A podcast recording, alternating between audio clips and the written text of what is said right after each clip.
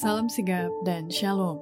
Renungan kita pada hari ini, Minggu 8 Januari 2023, berjudul Orang yang Lemah Lembut. Ayat intinya terdapat di dalam Yesaya 29 ayat 19.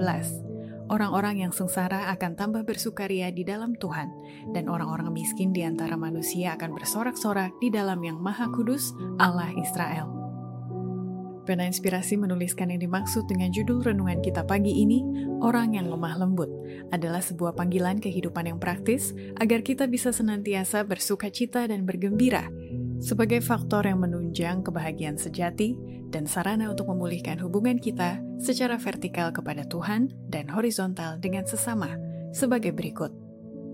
Pertama, Alasan Nabi Yesaya menuliskan agar kita menjadi orang yang lemah lembut, agar supaya kita menyatakan Kristus dalam kehidupan kita setiap hari, sehingga dapat meyakinkan orang lain dan menyelamatkan yang bersalah dan menutupi banyak dosa. Roh yang lemah lembut dan perangai halus yang meyakinkan itu dapat menyelamatkan yang bersalah dan menutupi banyak dosa. Wahyu Kristus dalam tabiatmu sendiri akan mempunyai kuasa yang mengubahkan bagi semua orang yang engkau layani. Biarlah setiap hari Kristus dinyatakan dalam dirimu, dan Dia akan menyatakan kuasa firman-Nya yang kreatif melalui dirimu untuk menciptakan kembali jiwa-jiwa lain dalam keindahan Tuhan Allah kita. Kedua, alasan Nabi Yesaya menuliskan agar kita menjadi orang yang lemah lembut, agar supaya kita menyatakan Kristus dengan memperlakukan sesama manusia dengan lemah lembut dan tidak dengan roh yang mementingkan diri. Janganlah kita mencoba bekerja atas diri kita sendiri atau atas orang lain, tetapi biarlah kita bergantung pada Roh Kudus.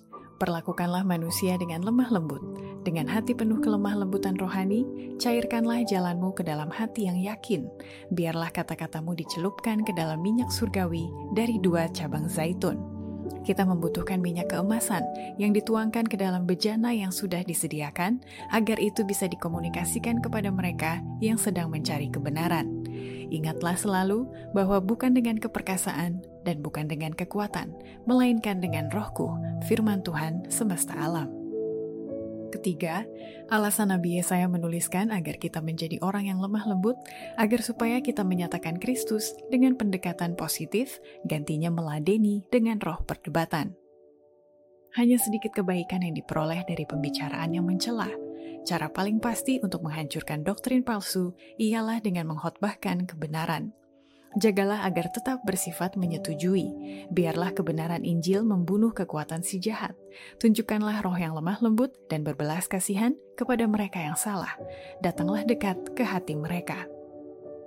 Keempat, alasan Nabi Yesaya menuliskan agar kita menjadi orang yang lemah lembut, supaya kita menyatakan Kristus dengan cara mendidik dan membesarkan anak-anak dengan roh kasih sayang, dan bukan dengan memarahi dan mengomeli yang justru akan menciptakan roh pemberontakan. Pada waktu engkau memperlakukan anak-anakmu dengan baik dan dengan lemah lembut, mereka dan engkau akan menerima berkat Tuhan. Dan apakah engkau berpikir bahwa pada hari penghakiman Allah, seseorang akan menyesal bahwa ia telah sabar dan baik hati kepada anak-anaknya?